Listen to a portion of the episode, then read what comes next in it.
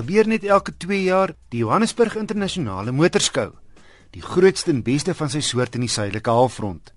Dis hier waar onder meer die volgende jare wat se nuwe motors vir die plaaslike mark te sien is, asook 'n klomp konsep en toekomsmotors.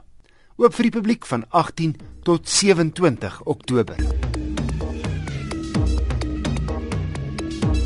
Ek het 'n brief ontvang van Jan Weem na aanleiding van 'n brief oor spoedkaartjies wat ek verlede week met die bekende bestuursinstrukteur van driving.co.za, Rob Hanfield Jones gevoer het. Jan skryf: Ek het na julle opmerkings geluister oor die stuur van spoedboetekaartjies deur die pos. Ek kan nie verstaan wat die probleem is met die sogenaamde geldmakfoefie wat aan spoedboetes toegedig word nie. 'n Oortreding is 'n oortreding. Hoe meer oortredings beboet word, hoe meer gaan ons darm 'n mate van wetstoepassing hê. Dit wil natuurlik nie sê dat wetstoepassing op ander gebiede moet verbeter nie. As jy te vinnig ry, moet jy 'n boete kry. Wat is fout daarmee? skryf Jan. Ek het sy brief aan Rob voorgelê en hy reageer so. Dit is 'n baie interessante brief wat hy skryf en hy raak aan 'n paar interessante punte. Ek wil eers by die idee van hoe meer oortredings beboet word, hoe meer gaan ons darm 'n mate van wetstoepassing hê stil staan. Kom ons gaan terug na 1998 toe, die totaal vir boetes wat oor die hele land uitgereik is.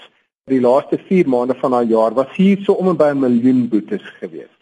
Daai syfer het nou geklim sodat in die eerste 6 maande van enige gegewe jaar Johannesburg alleen, die JMPD met ander woorde, 'n miljoen boetes uitreik. So die koers van boetes uitreik het oor die afgelope tyd aansienlik gestyg, maar oor dieselfde tyd het die, die sterfte koers op ons paaie het 3 of 400% gestyg. So daar's op die oomblik in Suid-Afrika nie enige verwantskap tussen die hoeveelheid boetes wat geskryf word en die sterfte koers nie. Daar's eintlik 'n wederwysige verwantskap tussen die twee. So dit is my eerste antwoord.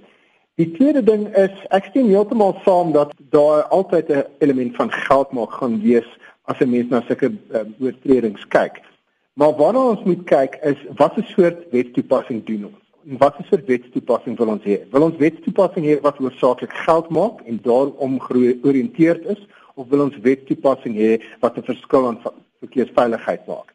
As jy wetstoepassing wil hê wat geld gaan maak, is spoedboetes die maklikste manier om dit te doen. Want wat jy doen is jy beboet iemand vir 'n tegniese oortreding wat nie noodwendig enige verwantskap met gevare inhou nie. So as jy 'n breë stuk pad het en die ou sê nou maar 136 en 120 sone gery. Goed, hy's tegnies oortree uit die wet en jy moet hom daarvoor beboet. Maar wat het verskil het hy aan verkeersveiligheid gemaak? Waarskynlik bitter min indien enige.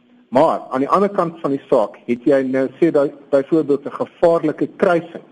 En as jy daar 'n spoedkamera sit waar jy ouens se spoed voor die kruising verminder, wat jy dan tot gevolg gaan hê is minder botsings by die kruising en minder noodlottige botsings as gevolg van die stadige spoed. En daar dra jy wel tot verkeersveiligheid by. So ek dink die belangrikste ding waarna ons moet kyk is ja, wetstoepassing moenie net om geld draai nie, dit moet om vermindering van botsings en die vermindering van veral noodlottige botsings draai.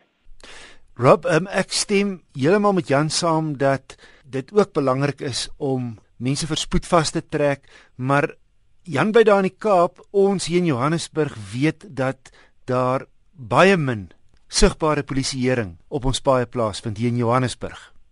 Ja, dit is so. Die die vlak van sigbare polisieering in Johannesburg, alhoewel dit onlangs toegeneem het, is nog glad nie op die vlak waar volgens my dit 'n verskil maak aan hoe mense bestuur. En ek het reeds al in die verlede gesê dat in Suid-Afrika kan jy omtrent met enigiets op ons paaie wegkom solank jy nie die spoedperk oortree nie. Daarvoor gaan hulle jou kap. Maar die res kan 'n mens nie wegkom. Maar as 'n mens gaan kyk na die oorsake van ongelukke in Suid-Afrika, is dit baie meer verrykend as net spoed. Byvoorbeeld 60% van alle mense wat in ongelukke omkom is onder die invloed van alkohol.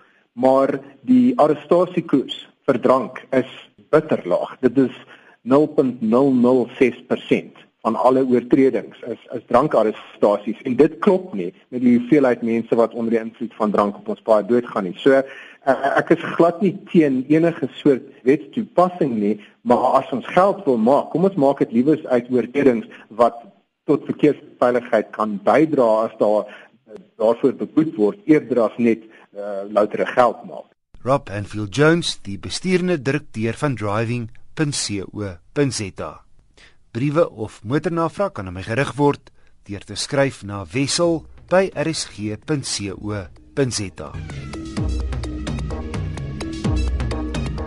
Hier is my wenk vir die week en dit hou verband met die brief oor spoed wat nou net bespreek is. Pas jou spoed aan na gelang van die omstandighede.